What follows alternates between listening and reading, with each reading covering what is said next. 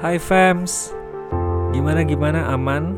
Ya kemarin sengaja nggak ada pertemuan karena untuk jadi masa tenang, tapi gue pikir sekarang harusnya udah lebih tenang dan hopefully kalian juga dalam kondisi yang baik dan sekarang bersama kita udah ada Pastor Rico. Buat kalian yang belum kenal, Pastor Rico adalah youth pastor di ECC Church. Kita mulai aja obrolan kita bersama Pastor Rico.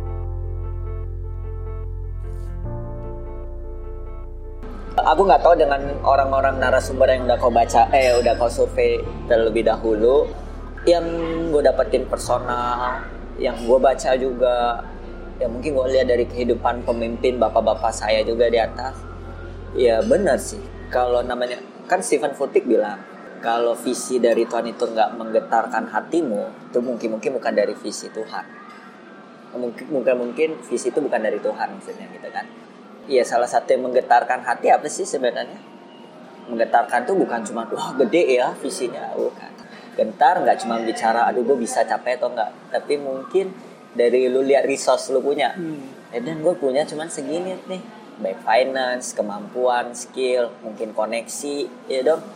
Masa sih iya Tuhan bisa gitu gue punya koneksi, gue sementara gue belum punya nih, atau iya gitu Tuhan ya. Gue finance gue ya segini, gimana ya? Nah direction Tuhan itu selalu membawa damai sejahtera. Jadi kalau memang Tuhan panggil kamu ke situ, pasti tetap ada damai sejahtera, even di tengah ketakutan. Pasti. Ketakutan mah nggak mungkin bisa dihilangin, karena ketakutan itu menurut gua bagian dari perjalanan iman. Kalau orang bilang kan, wah iman mah nggak ada ketakutan, nggak mungkin. Gue pakai yang analogi lo yang soal Petrus berjalan di atas air, nggak mungkin lah. Dia juga jatuh karena apa? Takut. Takut lihat ke bawah kan dia dia kok gue bisa berjalan ya di atas iya. air ya? Mungkin kan di otak dia begitu. Tiba-tiba angin berhembus makin kenceng eh, eh gue kayaknya mau jatuh nih. Nah takut kan? Jatuh beneran. Iya. ya sebenarnya itu kan kalau kita sering dengar khotbah tentang Petrus berjalan di atas air itu berjalan di atas iman sebenarnya. Ya same like dengan kita kalau menurut gue ya. Jadi doubt fear itu tuh bagian dari perjalanan iman. Justru gue bilang itu kalau belajar sipil itu adukan semennya untuk memperkuat fondasi lu. Nah, cuman bagaimana respon kita, kita menentukan. Kalau belajar dari Petrus kan respon dia, dia membiarkan ketakutan itu yang masuk ke dalam diri dia sehingga dia jatuh. Nah, coba kalau dia nggak dia punya respon dia nggak membiarkan ketakutan itu ada masuk ke dalam diri dia, saya pikir dia pasti berjalan tetap terus kepada Yesus. Nah, sering kali yang membuat anak muda kehilangan panggilan karena fokus tadi terhadap panggilannya. Ya fokus banyak hal ya. Fokus karena distraction, karena fokus kehilangan fokus karena tadi karena ketakutan. Aduh, bener gitu ya bener. Nah, tapi selalu kalau saya selalu pegang lah mau tentang visi Tuhan, direction Tuhan, selalu ada damai sejahtera. Waktu kamu ke sini ke Bandung, kamu berdoa pastinya, kamu dapetin nggak damai sejahtera itu? Terlepas pasti namanya ketakutan tuh di sini nih hmm. di otak di pikiran tapi damai sejahtera ada di sini yeah, yeah.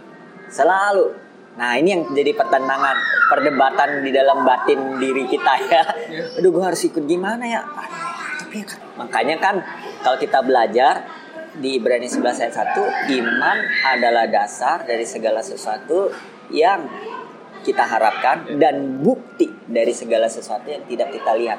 Dasar dari segala sesuatu yang tidak kita lihat. Nah, dan bukti dari segala sesuatu yang kita harapkan. Nah, ada hope. Nah, hope itu tuh di sini di otak, tapi iman tuh di dalam hati. Hope itu tuh loh, kita berharap nih. Berharap sesuatu, aduh Tuhan, gue berharap pengen punya pacar yang cantik. Pasti kan di otak kan yang mikirnya, nggak ada di dalam hati dong coba kalau ada iman lu digoncangkan biasanya yang kerasa di mana? Di dalam hati. Aduh ini takut nih. Bisa nggak ya gue lulus ujian ini? Oh, gue bisa nggak lulus? Biasanya di sini nih. That's why kita harus kalahkannya itu dengan iman. Tapi dengan cara apa ya? Ya cari direction Tuhan. Di situ ada damai sejahtera mbak. Kalau gue pikir sih sebenarnya. Dan sisanya betul gue setuju. Itu semua perjalanan. Kalau Koko sebelumnya sebelum akhirnya mutusin jadi pester gimana sih kok perjalanannya. Aku belum tahu kan nih ceritanya kenapa Oh, aku mutusin buat- sama. Saya selalu percaya gini. Panggilan dan tujuan hidup tuh sesuatu yang berbeda menurut saya. Panggilan itu tuh ya satu kali. Sebagaimana Tuhan menciptakan lu dari awal kandungan ibu tuh sampai lu mati dipanggil Tuhan kembali. Iya lu seperti itu. Tapi di dalam men- kita mengenapi panggilan tersebut ada berbagai tujuan. Ya bisa ibaratkan kalau panggilan tuh kita dari titik A ke titik B.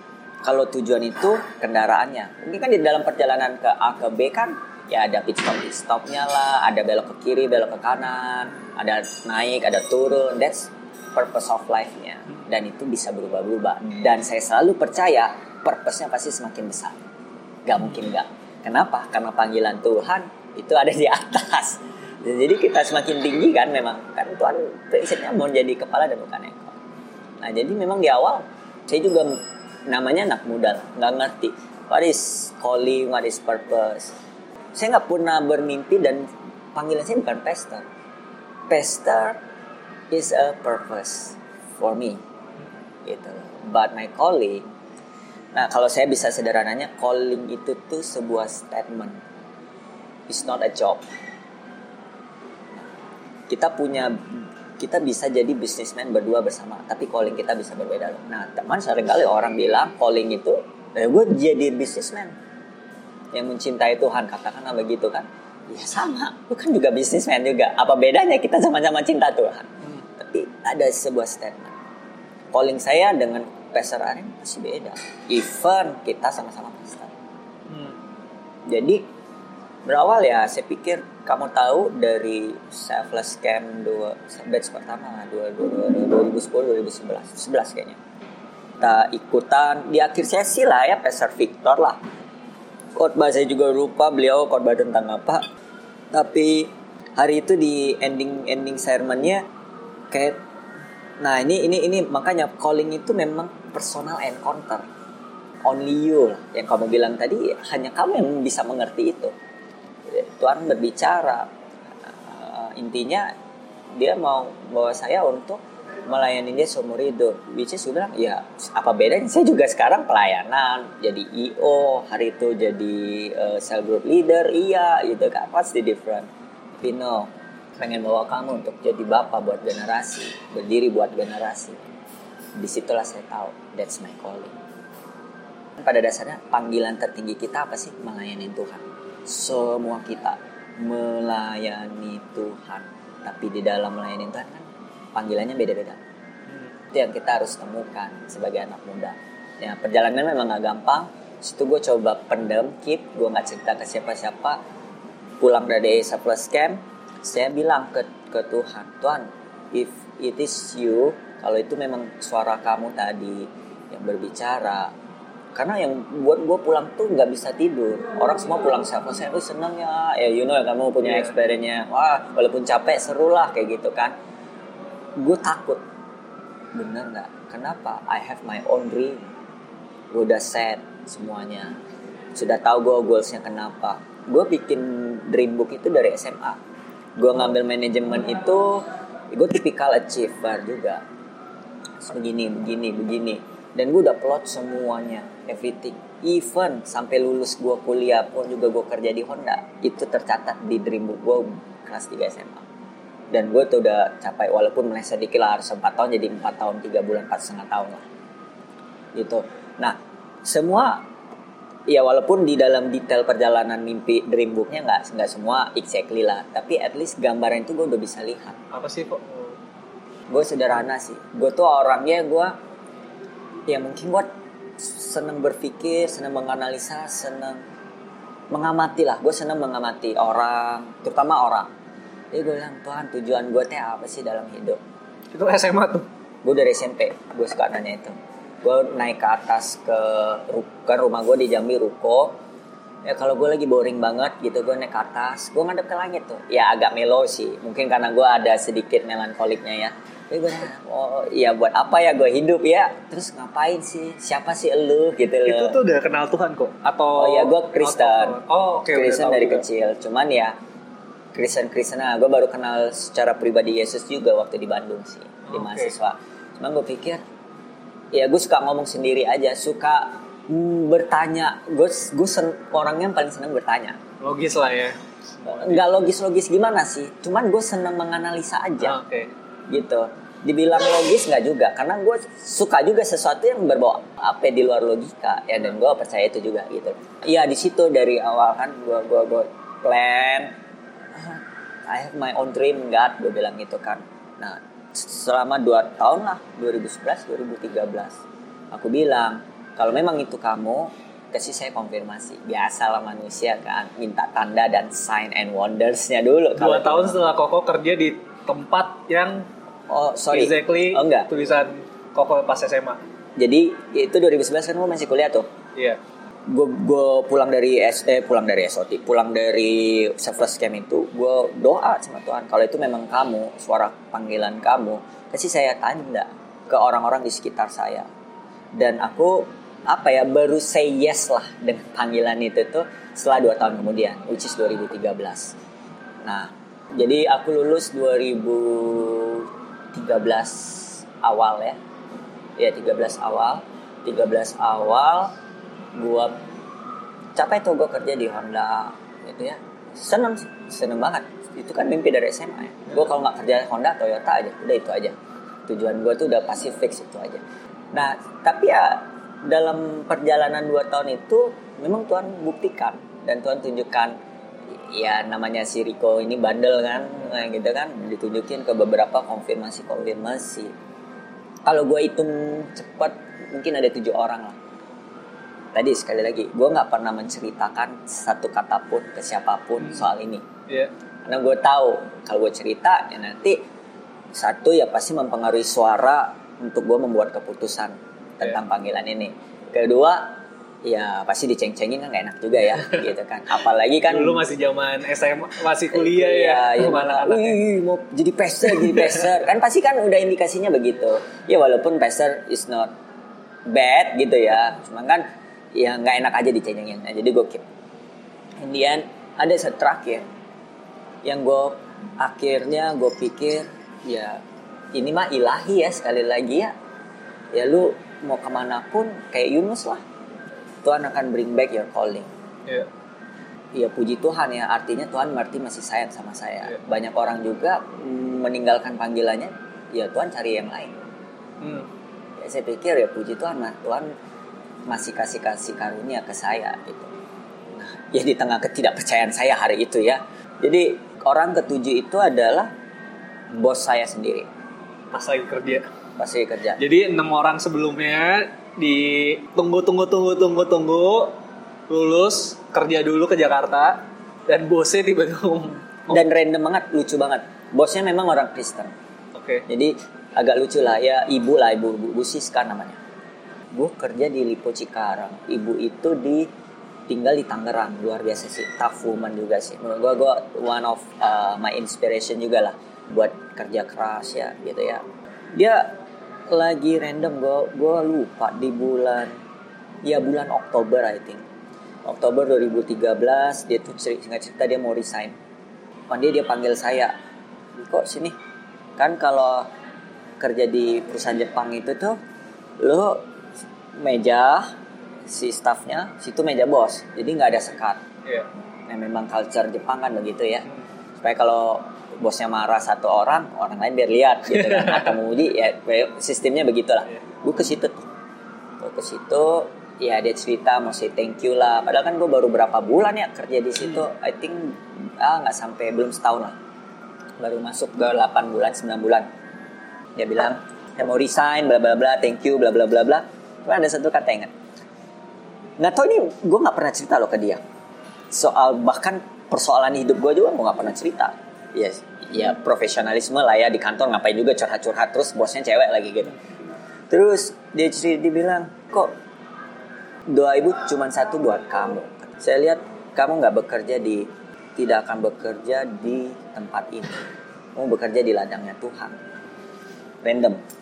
Dan momen itu ya gue nggak tahu my respon hari itu gue hanya menangis Dia nangis depan dia persis nangis. Gue nggak bisa berkata-kata. Dan gue tahu itu bukan suara dia suara Tuhan. Karena selama dua tahun itu panggilan itu makin kuat. Dan gue nggak bisa hindarin itu. Bahkan ya even gue udah achieve gue udah di Honda. Gue tahu ke depannya itu seperti apa bayangannya nanti soal hidup gue tapi kalau gue milih yang jalan ini untuk ikutin panggilan Tuhan itu kabut. Abu-abu banget. Itu yang dibayangkan gue bilang dan aduh Tuhan nggak mungkin saya milih ini. Gitu loh. Tapi itu panggilan di selama di Cikarang itu makin menguat. Di tengah kesendirian saya. Makin kuat. Mau apa pun lah saya sih bukan karu yang apa ya bukan sosok nabi ya banyak lah gitu yang lewat Alkitab lah lewat de- ngomongan orang biasa lah apa pun lah pokoknya jadi memang akan membawa lu ke situ. Ya, akhirnya ya udah saya tahu udah itu terakhir saya bilang saya nggak mungkin lari lagi. Saya pikir melalui tujuh orang ini Tuhan udah kasih tujuh kesempatan dong buat saya mau memilih nggak. Tuhan kan makanya dibilang banyak yang dipanggil sedikit yang dipilih. Firman Tuhan bilang kan begitu. Berarti kenapa sedikit yang dipilih? Berarti keputusannya ada di tangan manusia. Dan saya pikir hari itu iya ini memang betul dari Tuhan. Saya pikir ada di tangan saya. Kalau saya nggak ambil ini saya akan kehilangan yang namanya panggilan Tuhan dalam hidup saya. Saya ambil. Karena orang keenamnya itu Kak Victor. Dia nawarin SOT dan itu di bulan Agustus 2013 entah berantah. Ada enam orang yang diajukan untuk SOT tapi sekarang saya belum nggak punya ke Victor nggak kasih tahu jawabannya. Kenapa dari enam orang yang dipilih dua orang? Rico dan Intan why? Dia nggak mau kasih jawaban. Jadi, saya pikir itu hak beliau lah ya. Kan? Saya pikir ya siapa saya juga gitu. Dan nggak pernah cerita juga untuk apa pun yang bermimpi jadi pastor atau apa. Itulah perjalanannya ya sampai akhirnya itu jadi pastor businessman apa pun bagi saya itu bukan calling itu hanya kendaraan untuk menuju calling kamu. Tapi calling saya pikir itu personal banget yang lu dapetin dari Tuhan. Ya saya pikir kayak statement. Ini namanya calling lah. Iya. Calvin Calvin Calvin. Ya kan? Kenapa lu dibilang Calvin? Ya, karena itu nama lu. Orang-orang manggil lu seperti itu. Dan panggilan nama lu tuh menunjukkan apa? Your identity dong. Iya. lu ingat Rico pasti udah langsung kebayang image-nya. Rico tuh orangnya gini-gini. Because nama Rico merepresentasikan identitasnya seperti apa. That's calling for me. Apa pun itu gak hanya di bidang gereja. Seven mountains yang Tuhan ciptakan. Government religion which is gereja family media art economic and entertainment itu yang kita harus kuasain menjadi terang dan garamnya di tujuh pilar ini. Itu panggilan sejati kita. Melayani Tuhan di mana? Nah orang kan sering kali melayani Tuhan itu panggilannya berarti di gereja. Nggak salah untuk itu. Tapi terlalu kecil kalau skupnya kita bilang itu. Tapi bukan berarti kita melayanin di government kita meninggalkan pelayanan kita di rumah Tuhan. Itu salah juga. Tetap balance. Ini ini konteksnya dalam hal calling ya. Iya. gitu. Itu Jadi kita bisa punya calling kita dan itu emang udah di prepare dari dulu. Cuma jalurnya kita bisa ambil jalur yang beda-beda. di prepare-nya oleh siapa Mungkin dari Tuhan. ya of Udah course dari. Tuhan karena Yeremia kan bilang aku sudah menetapkan eh, renca- rancanganku sejak dari kandungan ibumu toh gitu menenun engkau dari arti menenun kan bukan cuma membentuk lu secara fisik tapi your purpose your calling gue udah tetapin lu belok ke kiri belok ke kanan lu jalan lurus lu ambil kendaraan ini lu nanti ke sini ke semua. That's right. Kayak gue selalu pegang. Untuk nemuin calling tuh ya banyak lah ya orang buku lo baca buku metode. Tapi for me ya karena ini based on my experience pasti gue sebutnya 3 P. Pasti ada passion di sana. Calling lu nggak akan jauh dari passion lo nggak mungkin itu passion itu kan bicara bicara karunia yang Tuhan kasih talenta bakat apa pun lah kelebihan yang kekuatan yang lu punya toh. Terus purpose. Untuk ada lucu kalau mau gue baca sih gue sih agak lucu. Pattern Tuhan itu tuh nggak ketebak. Ya kalau ketebak bukan Tuhan namanya sih sebenarnya. Gitu ya. Ada orang yang dapat langsung big picture-nya dulu tapi harus mencari step-stepnya. Tapi ada orang yang step-stepnya dulu tapi nggak ngerti big picture ini mau dibawa ke mana. Iya iya iya. Kok bisa begitu? Tak nanti di surga baru tanya Tuhan. Menurut saya, saya juga nggak menemukan jawabannya itu. Tapi selama saya melayani anak muda, coba memperhatikan dan mereka juga bertanya ya, saya pikir iya, itulah. It, makanya untuk kita tahu itu tadi ya relationship kita dengan Tuhan itu yang harus kuat. Hmm. Untuk kita tahu purpose-nya ini apa. Gitu. Loh, kalau kamu tanya saya waktu 2011 atau katakanlah 2013 kemarin dengan sekarang, purpose saya sudah berubah jauh banyak. Gitu. Kalau dulu saya cuma taunya mu kalau versinya berarti pengalamannya Riko gambaran besarnya dulu stepnya Tuhan berdiri buat generasi menjadi bapak ya kan banyak bisa ya gimana ya tapi makin ke sini oh iya ke sini makin tahu gitu Ya, makin diperbesar lah. Ya. baik kapasitas maupun tujuannya. Gitu. To purpose. Yang terakhir ya pasti place. Jadi jangan kejar place dulu. Kejar dulu apa yang jadi purpose of God-nya dulu dong. Kayak kan sering bilang wah gue harus ke Jakarta. Nggak salah dengan Jakartanya. But you know purpose-nya dari Tuhan apa? Buat lu ke Jakarta. Itu sama aja kayak lu gini. Nih ya Vin gue beliin lo tiket City Trans lu ke Jakarta ya? Terus lu ikut. Itu sampai di sana lu ngapain? Hmm. atau banyak orang gini ih seneng ya tinggal di Amerika ya. Kayaknya seru deh hidupnya makmur. Soalnya tuh lu tinggal di sana tiga bulan. Kalau tambah purpose lu nggak betah pasti balik lagi. Ya. percayalah. Kalau lu nggak ada purpose kalau mungkin purpose-nya hanya cuma buat liburan oke lah lu seneng lu tinggal di Amerika ya seru ya pengalaman coba lu kalau suruh setahun aja without purpose lu di situ ngapain? Stres juga lo pasti. That's why banyak anak muda terjebak cari place-nya dulu. Hello place mah terakhir. Belajar Abraham. Waktu Tuhan bilang kamu ke sana pergi nggak gue tahu. Tahu dia tempatnya dulu.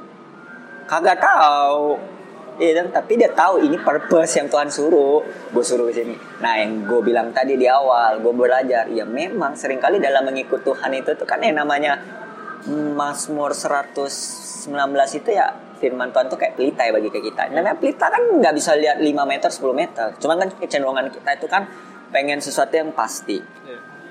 Gitu loh. Makanya dalam mengikut Tuhan gue belajar juga percaya dulu baru melihat bukan melihat dulu baru percaya. Hmm. even calling. That's why. Maksudnya tadi iya Tuhan aduh gue nggak kebayang nih abu-abu nih kalau gue milih jalan ini. Iya iya. Kalau Tuhan udah kasih kita semua nih big picture-nya stepnya begini ya Riko.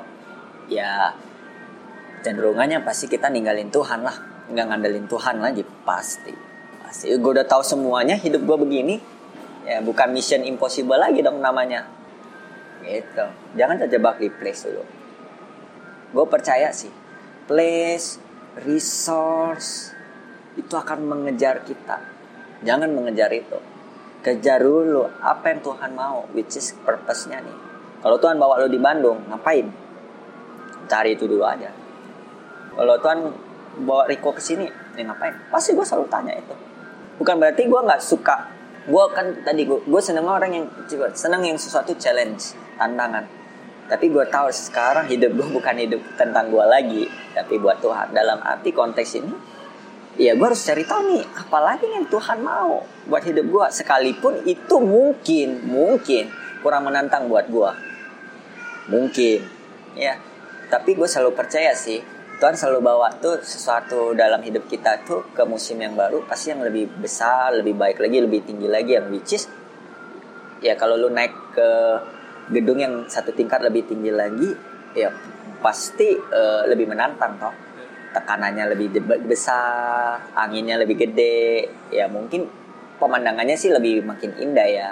Tapi kan itu berkat lah itu bonusnya lah. Tapi kan dalam perjalanannya kan kayak semudah itu Selama akhirnya Koko merespon panggilan Koko itu dan akhirnya ya udah balik ke Bandung, SOT dan lain-lain. Berarti udah dua tahun ya kok Ah, dalam apa nih semenjak Koko ambil keputusan buat mengiyakan panggilan Koko. Jadi gua Oktober begitu Oktober 2013 gue langsung say yes sama Kak Victor Berarti udah enam tahun ya? hmm, hmm, 2013 ke 2007 tahun Tujuh tahun. Mm-mm. Oh, langsung say yes Selama tujuh tahun itu gimana tuh kok? Ada hal-hal yang terjadikah dalam hal apa nih uh, struggle yang koko alamin selama tujuh tahun ini?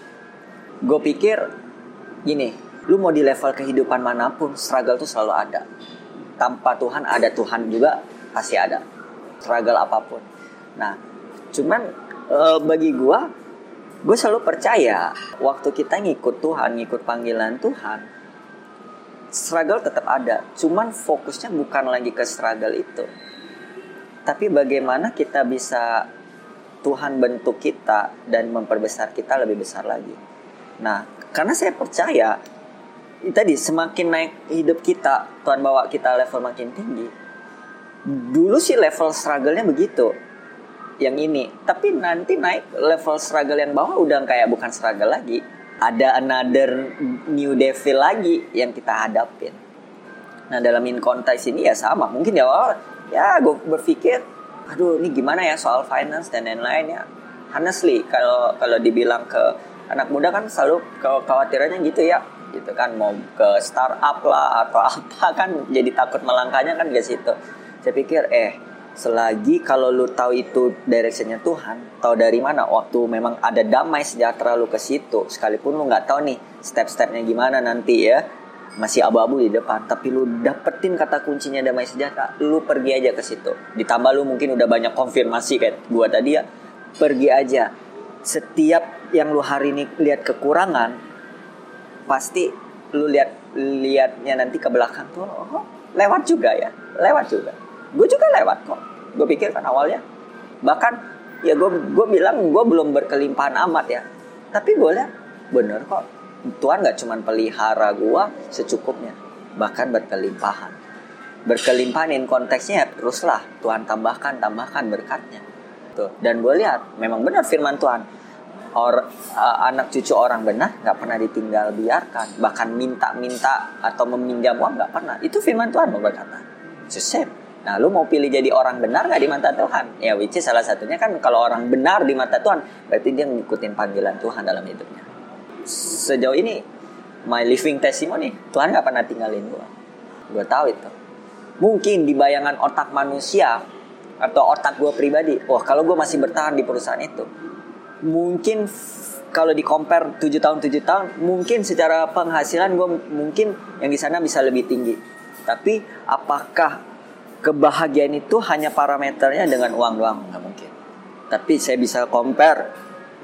Ya kalau kita kalau gue namanya main game gitu ya kan ada statusnya ada fisik ada magic ada defense ada apa. Nah ya mungkin dia cuma strengthnya di situ doang di satu bisa jadi. Tapi gue lihat oh iya ya hikmat gue kedewasaan gue cara berpikir gue cara gue merespon ke orang lain gue makin lebih dewasa loh nilai hidup gue tuh lebih kalau gue compare kalau gue milih tetap di Honda saya pikir nilai hidup gue lebih mahalan yang sekarang.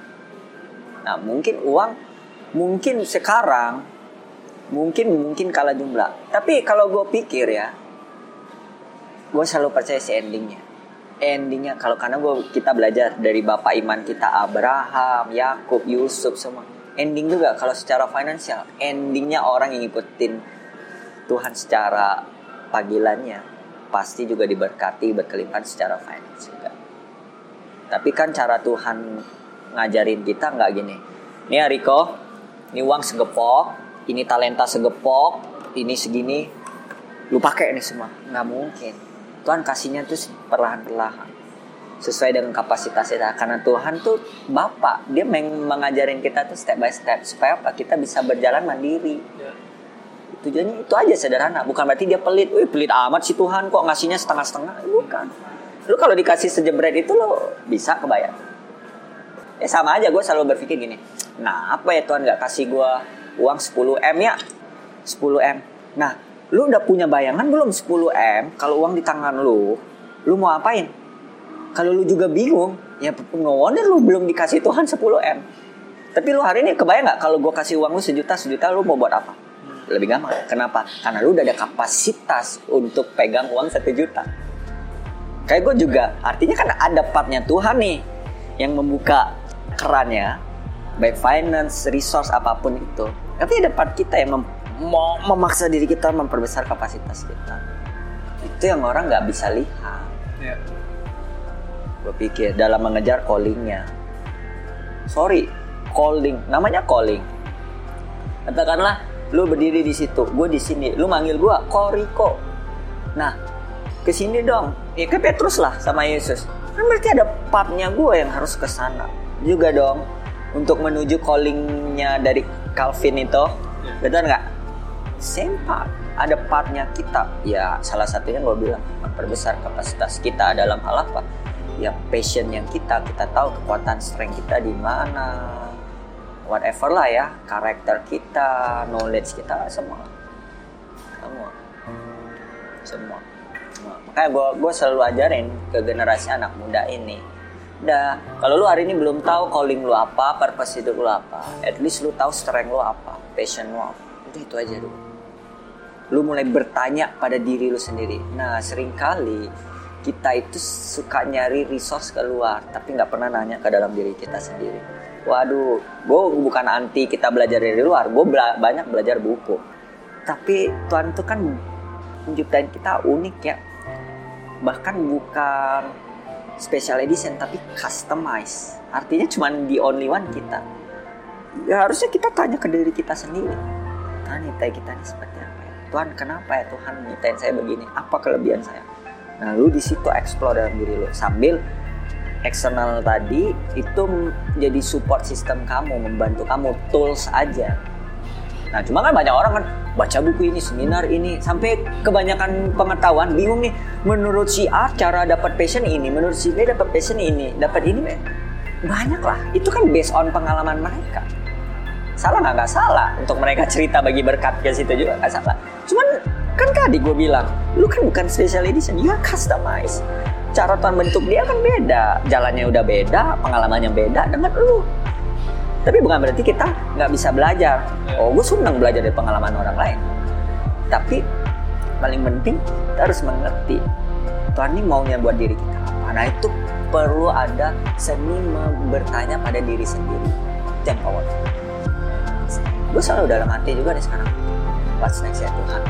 Apa yang lagi Tuhan mau apa lagi Tuhan kan tiap tahun kita bikin resolusi. Tuhan mau sekarang tahun ini 2020 Tuhan mau Riko ngapain ya? Ngapain nanti Tuhan bertanya deh pada diri sendiri. Nah sering kali orang tuh malas merenung di situ bagian dia untuk mengejar panggilannya. Padahal kalau gue bilang sesederhana itu untuk menemukan panggilan. Gue nggak bilang oh mentang-mentang Koriko udah dapat panggilannya jadi sombong Enggak, ya memang Tuhan punya cara sendiri lah memanggil orang-orangnya. Tapi gue pikir Tuhan juga pasti meninggalkan jejak-jejaknya lah ya. Langkah-langkah at least uh, pattern ya kali ya lebih tepatnya untuk gini loh kalau lu mau nemuin panggilannya. Gitu loh. Ada bagian kita lah. Gitu. Dan di situ harus lu berusaha.